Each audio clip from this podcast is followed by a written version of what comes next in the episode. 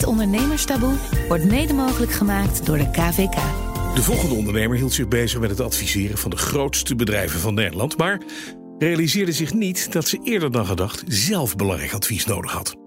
Ik sprak Kim Kramer over het faillissement dat haar verdere carrière vormde. Deze keer geen geboren ondernemer, maar een communicatiewetenschapper die door vallen en opstaan zich zag groeien in het ondernemerschap. Maar dat was ook wel een, uh, een reden om thuis uh, huilend op de bank te zitten. Want dan moet je ook niet alleen met je eigen emoties, maar ook nog met de emoties van al die mensen die je slecht weer gesprekken mee moet voeren. Ik, Bas van Werven, vind het belangrijk dat er gepraat wordt over de mindere kanten van ondernemen. Zodat je ervan leert. En we het taboe van niet praten over faillissement doorbreken.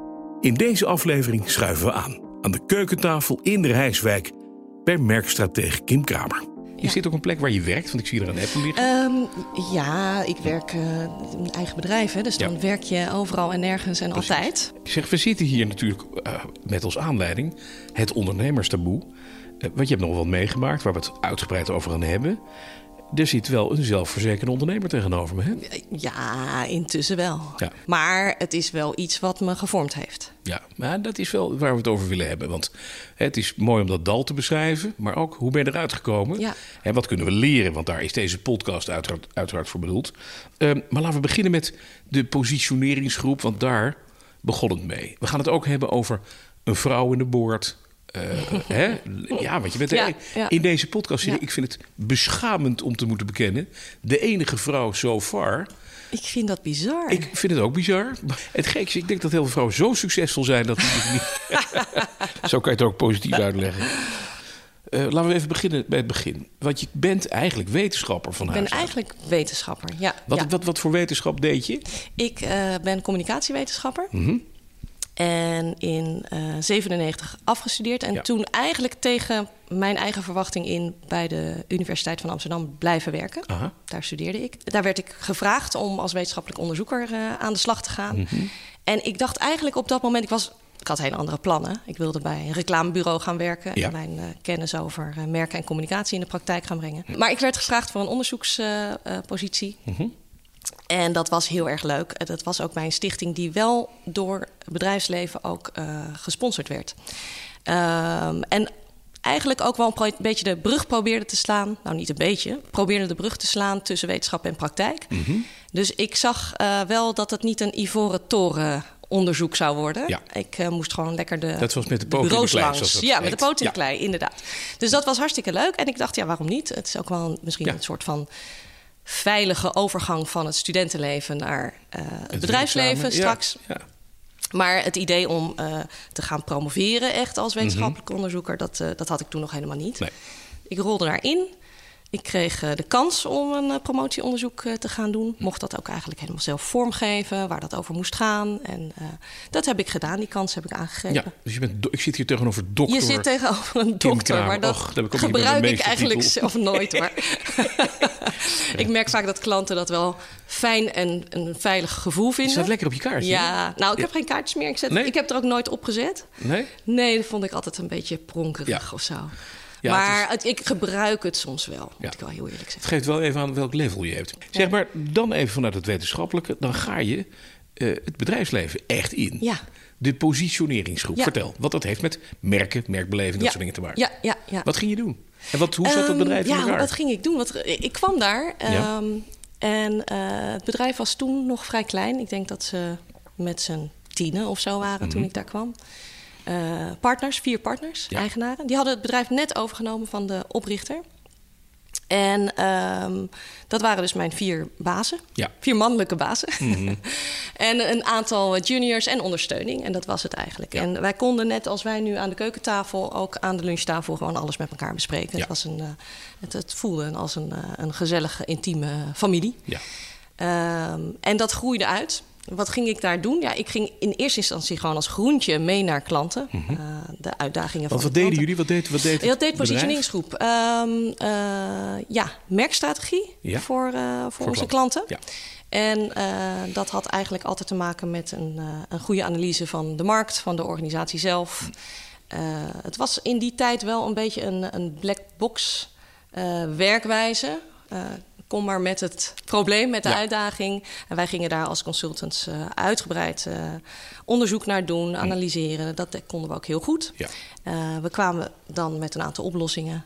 En vervolgens was de klant heel erg blij. Ja. Want die koos er een. Ja, mooi. Ik zeg het nu het, expres een klein beetje versimpeld. Maar... Een korte versie wel. Want er gaat heel wat, heel wat water door de, door de rij natuurlijk voordat je zover bent. En een klant ook gaat helpen aan een werkstrategie die anders is waarschijnlijk dan wat hij deed. Het was voor mij een heel nieuw soort werk. Mm Alhoewel ik natuurlijk wel de theorie uh, over merken en communicatie uh, mee had. Maar ik ging gewoon als junior consultant aan de slag daar. Had je veel aan de tijd die je daarvoor zo alvast in het bedrijfsleven gesnuffeld had? Ja, ja, ik had wel een beeld van uh, hoe het dan een beetje werkte. Ook met klant-bureau-relaties. Hm. Uh, maar tegelijkertijd was ik ook gewoon wel echt heel onervaren in dat soort werk. Maar als junior binnen, dat is mooi. Onder de vleugels van een van de partners. Tien, tien man, vier partners. Zoiets, ja. Ja, dat is best een kind met een waterhoofd. Ja, maar we waren ook wel uh, van plan om snel te groeien. Oké. Dus dat, uh, en dat gebeurde ook. Ja, dat gebeurde ook. Ja. Want, schets eens even, hoe ging het verder? Nou, er kwamen steeds meer mensen bij. Mm -hmm. en het leuke was dat ik kon eigenlijk uit de kweekvijver van de UvA, waar ik vandaan kwam, ook een aantal goede mensen erbij ha ja, halen. Dat is nu prettig. Dat was heel erg leuk.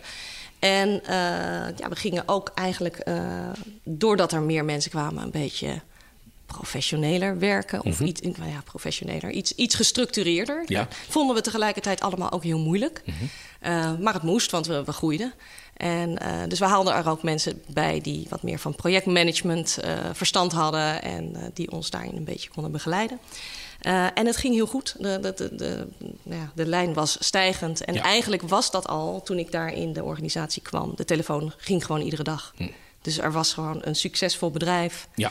Uh, dat, Acquisitie uh, niet nodig. Gewoon, niet nodig, nooit gedaan. Iedereen belde gewoon zo. Iedereen ja. wilde in die tijd gepositioneerd worden. Ja. Dus, en daar uh, in, die, in die groei ging ik eigenlijk gewoon mee. Ik leerde snel en ik, ik mocht. ja, was eigenlijk van het begin af aan wel duidelijk van de bedoeling is dat je, als het allemaal goed gaat, ook partner kunt worden. En dat wilde en ik ambitie, wel. Precies, die ambitie was Nou wel. ja, dat, wil, ik, dat wilde ik wel. Dat vond ik natuurlijk wel een mooi plaatje of ja. zo. Ik, ik, denk dat ik achteraf misschien best een beetje naïef was... van wat houdt dat dan eigenlijk in? in ja.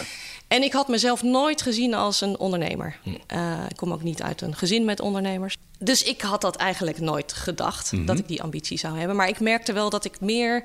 dat ik het heel erg leuk vond... en dat ik meer ambitie had dan alleen klanten te helpen... om ja. ook het bedrijf verder te helpen. Ja. En, uh, en ik dacht, nou, dat is eigenlijk een hele veilige manier om ondernemer te worden. Absoluut. Om in te stappen in een heel succesvol bedrijf. Ja, gewoon meedraaien. Ja. En je bent partner geworden. Hoe groot was het bedrijf toen? Uh, nou, ik denk dat we toen met een man of twintig waren.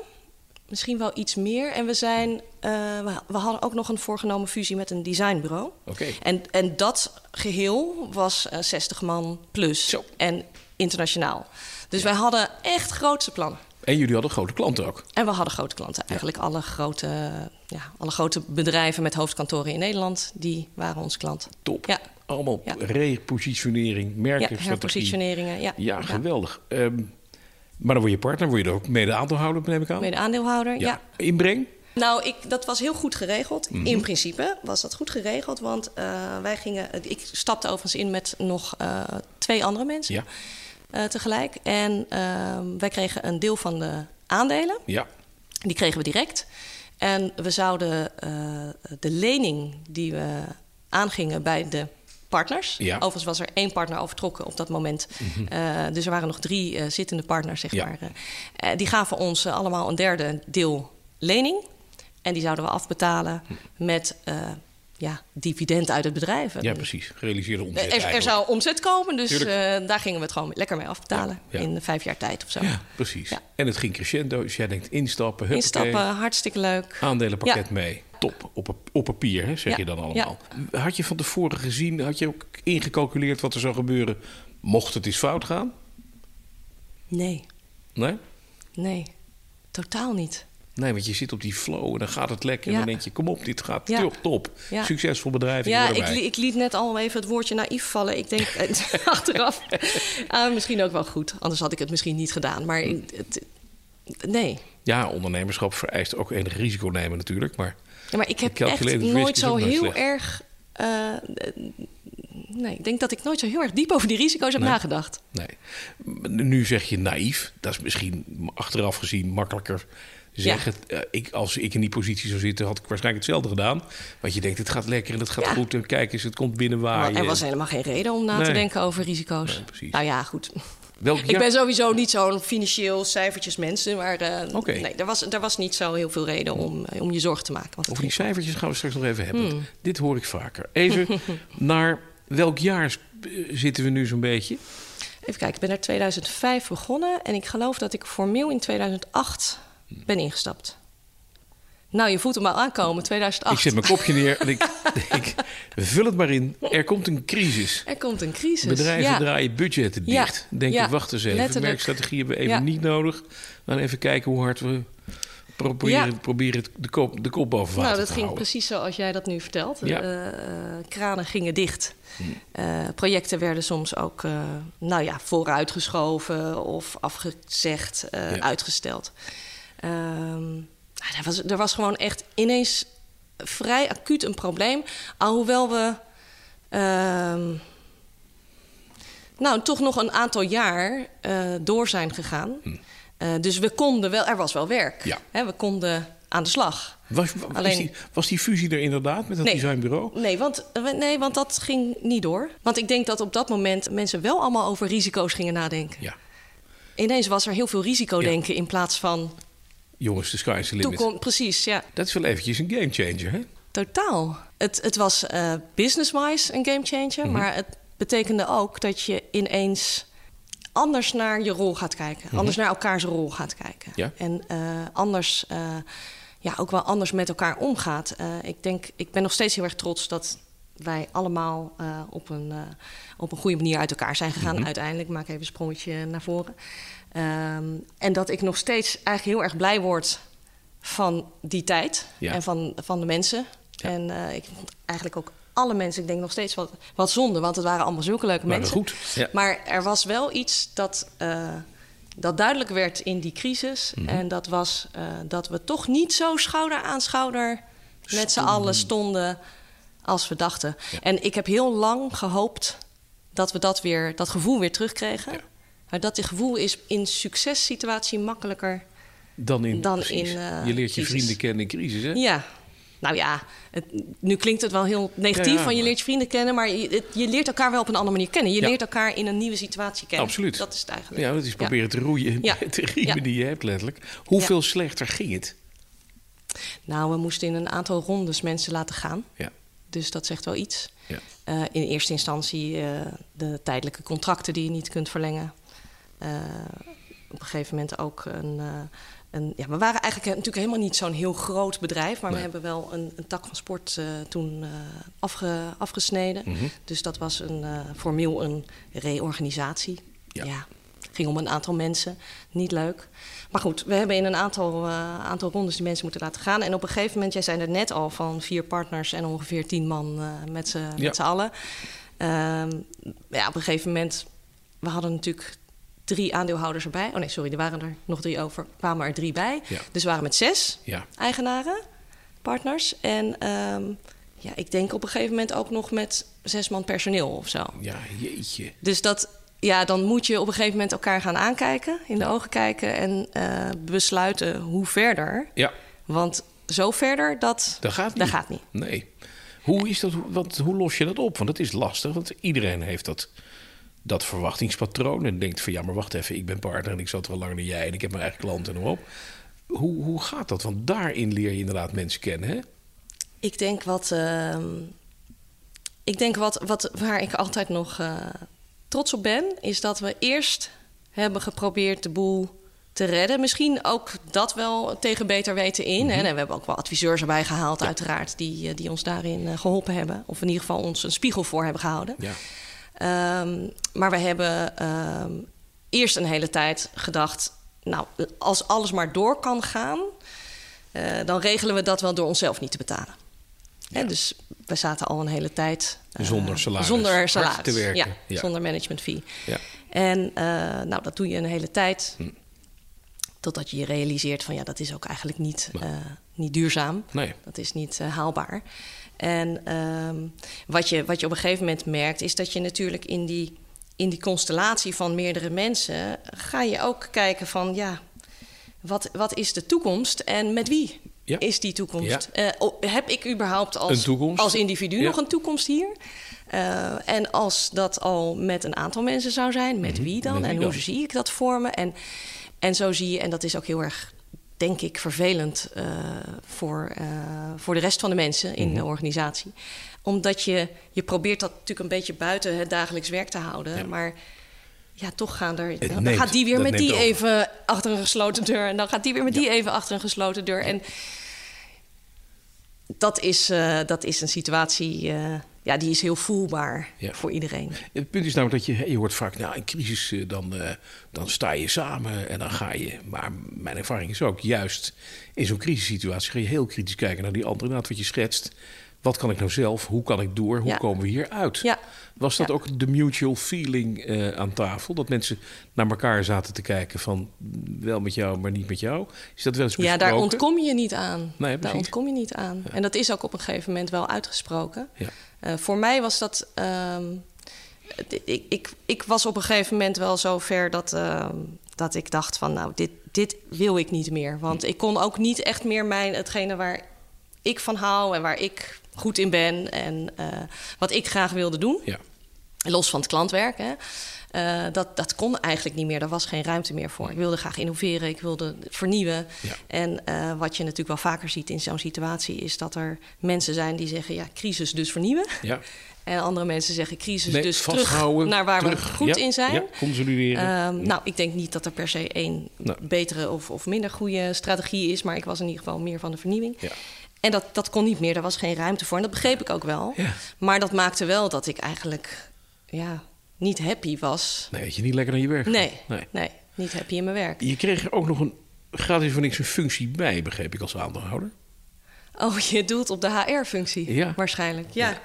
Dus je werd ehm, ineens HR-functionaris. Ja, voor, wat, voor wat het waard is in mhm. zo'n uh, groep van, uh, van twaalf man die dan overblijft. Ja. maar dat klopt. Um, mijn, mijn collega deed dat en werd, werd ziek, zat op een gegeven moment ziek thuis.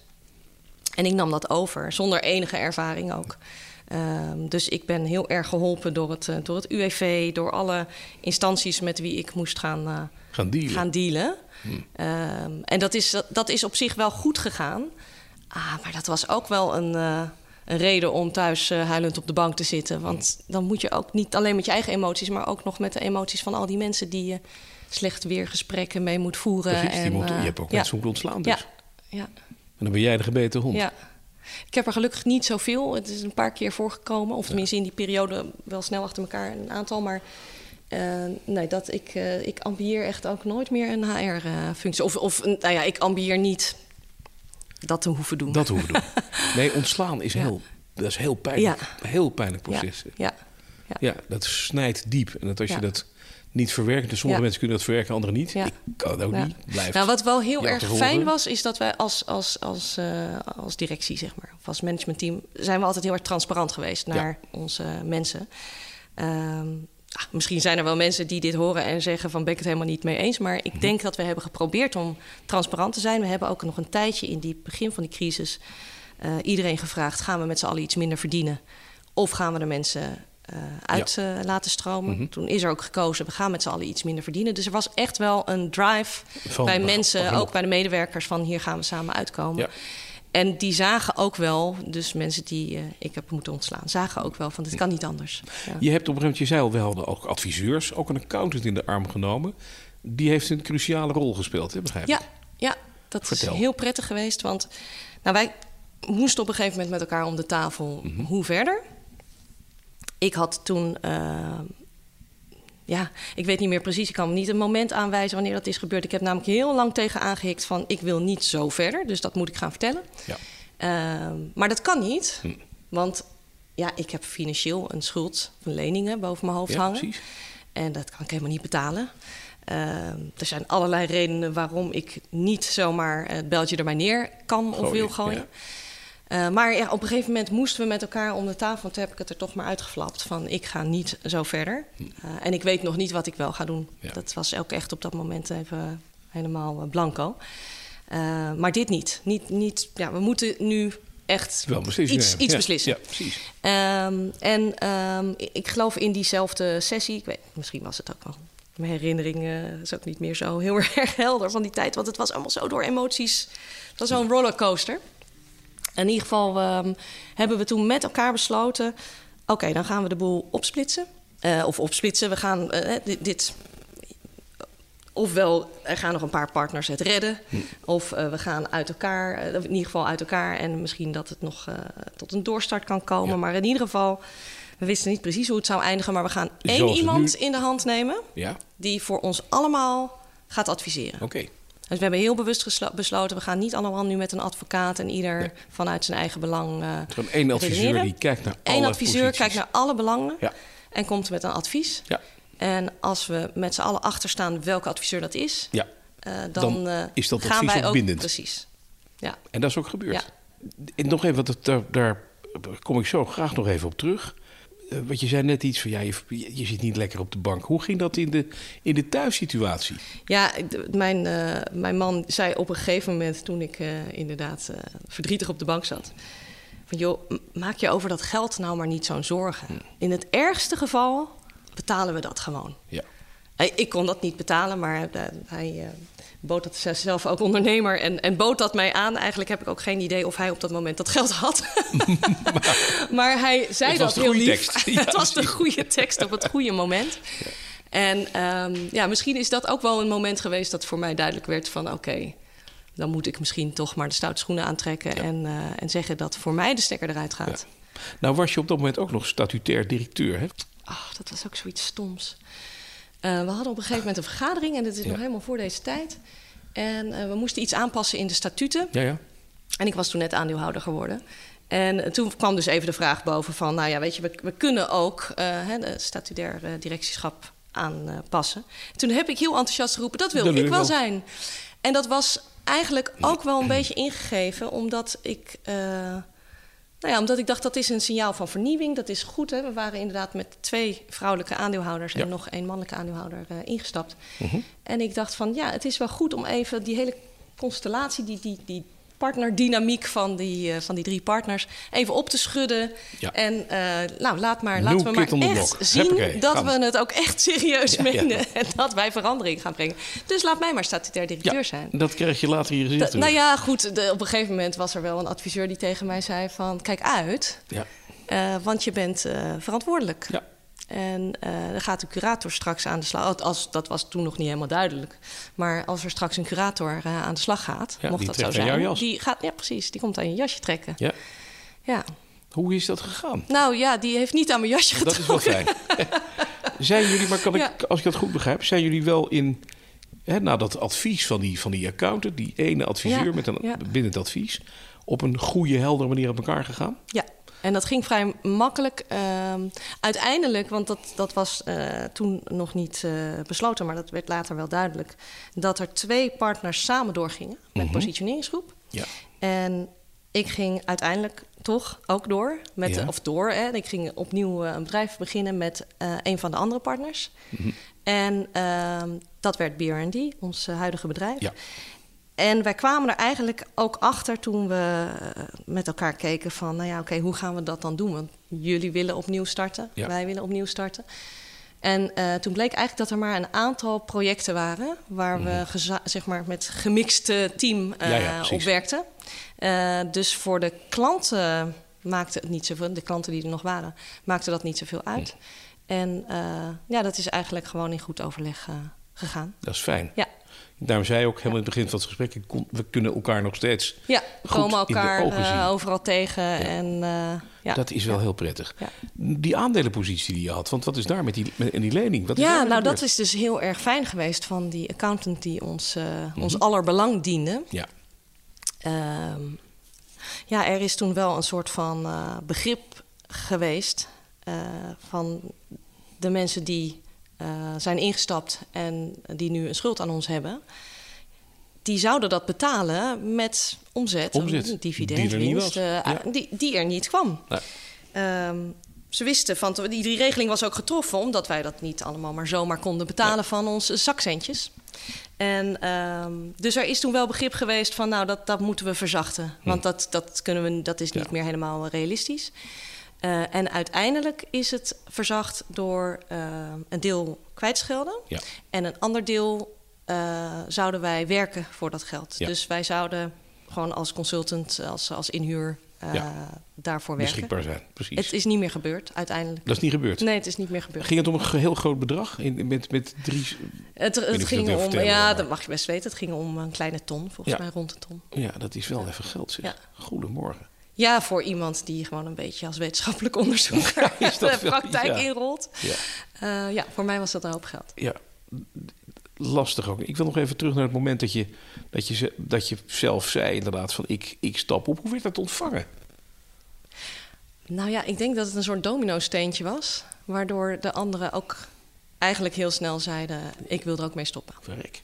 Ja. Of ik wil ook niet op deze manier door en in deze constructie. Oké, dan hebben we het financiële gehad. Dit afgehandeld. Dan ga je met een partner, begin je bier aan ja, bier. Heb je nog klanten kunnen meenemen? Hoe ging dat? Ja, er waren, er waren een paar klanten, die uh, lopende klantprojecten. Mhm. En uh, die hebben natuurlijk moeten vertellen ja, dat, uh, dat het anders werd.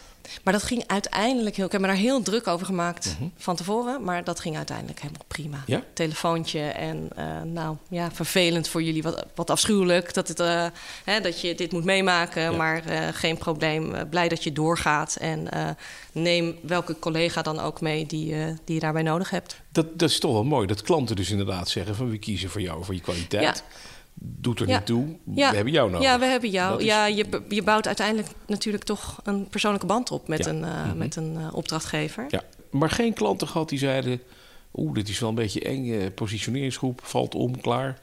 Nee, er waren wel klanten die. Of er was wel bijvoorbeeld een. we hadden een, vrij snel een startklant ja. met BRD. Dat, dat was altijd al een klant van ons bij positioneringsgroep. Uh, dus die hadden daar ook verder eigenlijk niet zoveel uh, problemen mee. Maar het, het, was meer dat je jezelf druk maakte van... ja, we, de, de, hè, ze hebben het idee van ze hebben een heel bureau ingehuurd... Ja. en daar zijn we dan met z'n tweetjes, ineens. Daar ja, hallo. maar het leuke was ook wel weer van dit specifieke traject... vereiste ook dat we een designer in het uh, team betrokken... een naamgever in het team betrokken. Dat waren mensen die we een paar maanden daarvoor hadden moeten ontslaan... Ja die waren gaan freelancen en die zeiden: ja. Tuurlijk doe ik mee. Die kun je lekker ZZP'er binnenhalen, ja. niet op de payroll. Ja. Echt lekker. Ja. Lean. Dus we hadden toch wel een, een, een, een teampje, meer dan twee. Mm -hmm. En uh, we konden aan de slag. En uh, dat, inderdaad, lean en mean. En ook met het idee, want we hebben wel met z'n tweeën eerst gezeten van hoe gaan we dan nu opnieuw beginnen. Toen hebben we een A4 geschreven met allerlei dingen erop van uh, we gaan niet meer lenen we gaan niet lenen bij een bank, we gaan eigenlijk bij niemand lenen. We gaan alleen maar geld uitgeven dat we eerst verdiend eerst hebben. verdienen, ja. Uh, nou, en zo hebben we een aantal, uh, niet alleen maar uh, zakelijke dingen, maar ook meer, ja, hoe, hoe gaan we met mensen om? Ja. wat zijn onze uitgangspunten? Dat hebben we op papier gezet. Mm -hmm. En dat, ik denk eigenlijk, ik zou niet weten wat het papiertje of, of het nog ergens is, maar ik denk dat ik het erbij zou pakken dat het nog steeds allemaal klopt. Dat wordt nog steeds geleefd. Ja, denk het wel. Dat is wel mooi. Had je het gevoel dat je gefaald hebt of niet? In het begin wel. In die, in die uh, crisissituatie toen... Uh, nou, eigenlijk tot het doorhakken van de knoop. Ja. ja. En ook wel van, wil ik nog ondernemer zijn? Want ik was erin gestapt omdat dat zo veilig was... bij dat succesvolle, groeiende bedrijf. En ik heb dat niet... Ik heb in ieder geval met mijn inbreng dat niet uh, tot grote hoogte kunnen brengen. Nou mhm. kwam er een crisis tussendoor, dus dat, dat, dat, daar kon ik ook niet zo heel erg veel aan doen. Maar ik heb het in ieder geval niet mijn meerwaarde voor het bedrijf, voor de groei van het bedrijf kunnen, kunnen tonen. En uh, ja, als je dat dan niet kan in een groep goede professional, hele professionals, hele goede mensen met wie ik het samen doe, hoe moet ik dat dan ooit in mijn eentje of, of, met, met z'n tweeën gaan doen? Maar het is wel, je zit wel, wat dat betreft, in een zo'n spanningsveld. Je komt uit deze situatie, je gaat failliet, uh, je bent nog statutair directeur. Je krijgt misschien een curator achter je aan. Je man zegt heel lief op de bank: we gaan je redden, schatje. Maar je weet toch niet mm. helemaal of dat lukken gaat. En dan start je door, ook in die crisissituatie nog steeds. Ja. Het lijkt me echt. Begin 2011 nou, was het. Daar zit je niet lekker in. We hadden, we hadden echt heel erg veel uh, geluk met de startklant. Dat was een heel mm. groot uh, traject. Daar zijn we denk ik een anderhalf jaar, kleine anderhalf jaar mee bezig okay, geweest. Ja, dat en dat, het was ook heel erg leuk, want je kon opnieuw beginnen. Ja. En daar waar ik eerder vertelde van, ja, er was geen ruimte meer voor innovatie. Er was geen ruimte meer om, om de dingen te doen die je echt leuk vond. Ja. Uh, ja, die ruimte kon je gewoon weer pakken. Ja. Maar natuurlijk wel met de, nou zeker de eerste jaren een grote financiële onzekerheid en zorg. Ja. Want je wil het eigenlijk het liefst niet nog een keer, uh, nog een keer meemaken. meemaken. In dat nieuwe, die nieuwe constellatie Birani, hoe groot ben je nu als bedrijf? Uh, nog steeds heel lean en mean. Uh, maar wel met een uh, team van, ik denk, een man of vijf, zes. Mm. En we hebben heel lang gezegd, we nemen geen mensen meer in dienst. Maar we hebben net weer iemand toch in, in dienst genomen. Mm -hmm. um, maar als ik kijk naar het aantal mensen met wie ik samenwerk... echt als team op, op klanttrajecten... dan zijn dat er denk ik wel een stuk of nou, 10, 12 ja. redelijk Die, vast. Oké, okay, ja. en, dan, en dan nog een stuk of een pool van 40 man... ja als onder, we... onderaannemers ja, precies, mee, meedraaien. Ja, ja, ja, ZZP'ers ingeschakeld. Ja. dat is lekker. Want inderdaad, je bent daardoor veel flexibeler. Nog steeds met diezelfde partner Nog steeds met diezelfde partner, ja. En jullie zijn allebei partners in het bedrijf. Ja, wij en zijn... that's uh, it. Nou ja, wij zijn uh, nu nog 50-50 uh, aandeelhouders. ik zei net, wij hebben iemand in dienst genomen. En daar gaan we ook een klein deeltje van de aandelen voor vrijmaken. Oké, dus dat wordt de derde partner. We hadden het helemaal het begin over naïviteit. Je zei, ik was misschien toch wel erg naïef. Dat is een beetje de koene kont kijken, zei ik al. Maar mm. achteraf, wat zijn de lessen die je, die je geleerd hebt van dit hele traject? Ja, ik, ik ben in het uh, nieuwe bedrijf. Ik zei net van, ik ben niet zo heel erg van cijfertjes. Maar ik heb in het nieuwe bedrijf met z'n tweeën toen we starten gezegd... Mm -hmm. laat mij maar finance doen. Oké. Want ik wil dat gewoon veel beter snappen. Ja. Uh, en het is, onze financiële huishouding is uh, vrij eenvoudig. Maar ik heb wel gezegd van laat mij dat doen. Ja. En uh, laat mij maar met de boekhouder op de achtergrond dat ja. allemaal regelen. En, heb je nu goed inzicht in precies wat er gebeurt? Ik heb heel goed inzicht. Ja. Ik heb nog wel eens dat ik iets moet opzoeken, gewoon moet googlen. Ja. Omdat ik denk van, oh ja, wat betekent dit ook alweer? Ja. Of als de boekhouder met een voorstel komt van, je kan het beter zus of zo doen. Dan vind ik het toch wel belangrijk om het echt even goed, goed te doorgronden, goed te doorgronden en te bespreken mm -hmm. samen. Maar ik heb, uh, ja, dus dat is wel een van de dingen die ik heb geleerd. En ik denk ook wel um, het heel dicht bij jezelf blijven. En, en niet bang zijn om beslissingen te nemen. Om, ook al zijn het moeilijke beslissingen. Omdat uh, het, het, het, de oplossing gaat pas rollen als je het besluit genomen, genomen hebt. Op de een of andere manier. Ik heb toen de tijd heel erg lang zitten hikken, aanhikken tegen dat moment van ik draai die knop om en ja. nu ga ik het gewoon zeggen en ja. ik ga het uitspreken en ga het doen. Omdat ik het niet durfde. Maar ik heb toen ook gemerkt van ja, maar pas als je die knop omzet, dan, dan komt de oplossing. Dan moet je voor, Niet vanzelf, volgende, je moet er wel stapjes nee, innemen, maar dan ga je die stappen pas zetten. Ja. Als je zoiets, maar dat kan ook een heel ander ding zijn hoor, wat je hebt meegemaakt waarbij je heel kwetsbaar bent geweest. Mm -hmm. Dan uh, is het daarna niet meer zo eng om je kwetsbaar op te stellen. Ja, dat is mooi. Dus ik bedoel, veel opener over. En, en zo open was ik toen niet. Ik heb ook pas op ja, pas na een tijdje dat ook durven vertellen. Ook aan, aan hè, dat je erover gaat praten met vrienden en familie. En dat je dan merkt dat iedereen het gewoon heel vervelend voor je vindt. In plaats van dat ze zeggen: Ja, maar je bent ook zo'n uh, sukkel. Dat Dit dat, wisten we ja. wel. Ja, jij. Ja. ja. Nee, je bent nee, niet alleen helemaal niet. op deze wereld. Nee, er zijn er meer die niet zitten. Maar dat ja. is wel iets. Het is een eye-opener. Ja. Dat je op het moment dat je het meemaakt... dat er ineens dat je schellen van de ogen valt en denken van... Zeker. ik ben niet alleen. Dat risicoaverse, wat je zei net even... ik kan nu veel sneller besluiten nemen. Mhm. Mm -hmm. Ben je daar meer, daardoor ook meer risicovol gaan onder... of risicovol niet, maar... ja, misschien wat, wat Nou, bouwder ik- in het ondernemen geworden? Nee, ik denk dat ik, dat ik tegelijkertijd ook nog wel een beetje voorzichtig ben. Mhm. Met geld uitgeven en met eh, aanschaf van, van dingen die, eh, Ja. die we wel nodig hebben. Maar dan denk ik, ja, moet het per se de duurste variant zijn? Of zullen we toch een beetje... En dat, het, het grappige is dat die crisis is nu natuurlijk al een tijdje voorbij. En dat merken we ook in het werk. Het gaat gewoon hartstikke goed met het bedrijf. Ehm, en ik vind dus eigenlijk van mezelf dat ik best iets risicovoller mag, mag gaan. best een beetje. Ja, maar dat vind ik best, nog best wel lastig. Dat ben je anders gaan doen. Eh, ook als je kijkt naar uh, mensen, hoe je, hoe je nu samenwerkt met, ook met ZZP'ers. Is dat een hele duidelijke keuze die je maakt? Ook zo'n zo'n derde partner die je aanneemt? Nou, weet je wat... Daar wat, je ook langer over na. Ja, toen de tijd kwam ik als nieuweling in een bedrijf... waar de mensen er al waren. Ja. Uh, ik koos natuurlijk wel dat bedrijf, maar ik koos niet ieder persoon uh, individueel. Mm -hmm. uh, en dat is nu, je kiest wel heel bewust met wie je wil samenwerken. Ja. Wat niet wil zeggen dat dat toen niet leuke mensen waren, maar kies nu heel erg bewust met wie je goed kan samenwerken. Oh, dat, soms ook uitproberen natuurlijk, je weet niet altijd van tevoren, maar ehm, ja, toch wel gelijkgestemde mensen. Uh, en ik vind het heel belangrijk dat het leuk is. Ik, mensen zeggen wel eens van ja, bij jou moet altijd alles leuk zijn. Het moet leuk zijn. Nou ja, het is leuk of het is niet leuk. Maar ik vind het wel heel erg belangrijk dat we lol hebben met elkaar.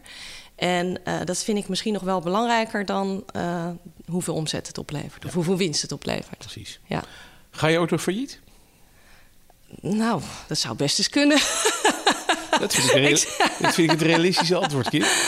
Um, ja, zeg nooit nooit. Maar ik, ik verwacht het niet. Want er is niet zo heel erg. Het is niet zo makkelijk nu in de, de constructie waarin we nu werken om failliet te gaan. Ja.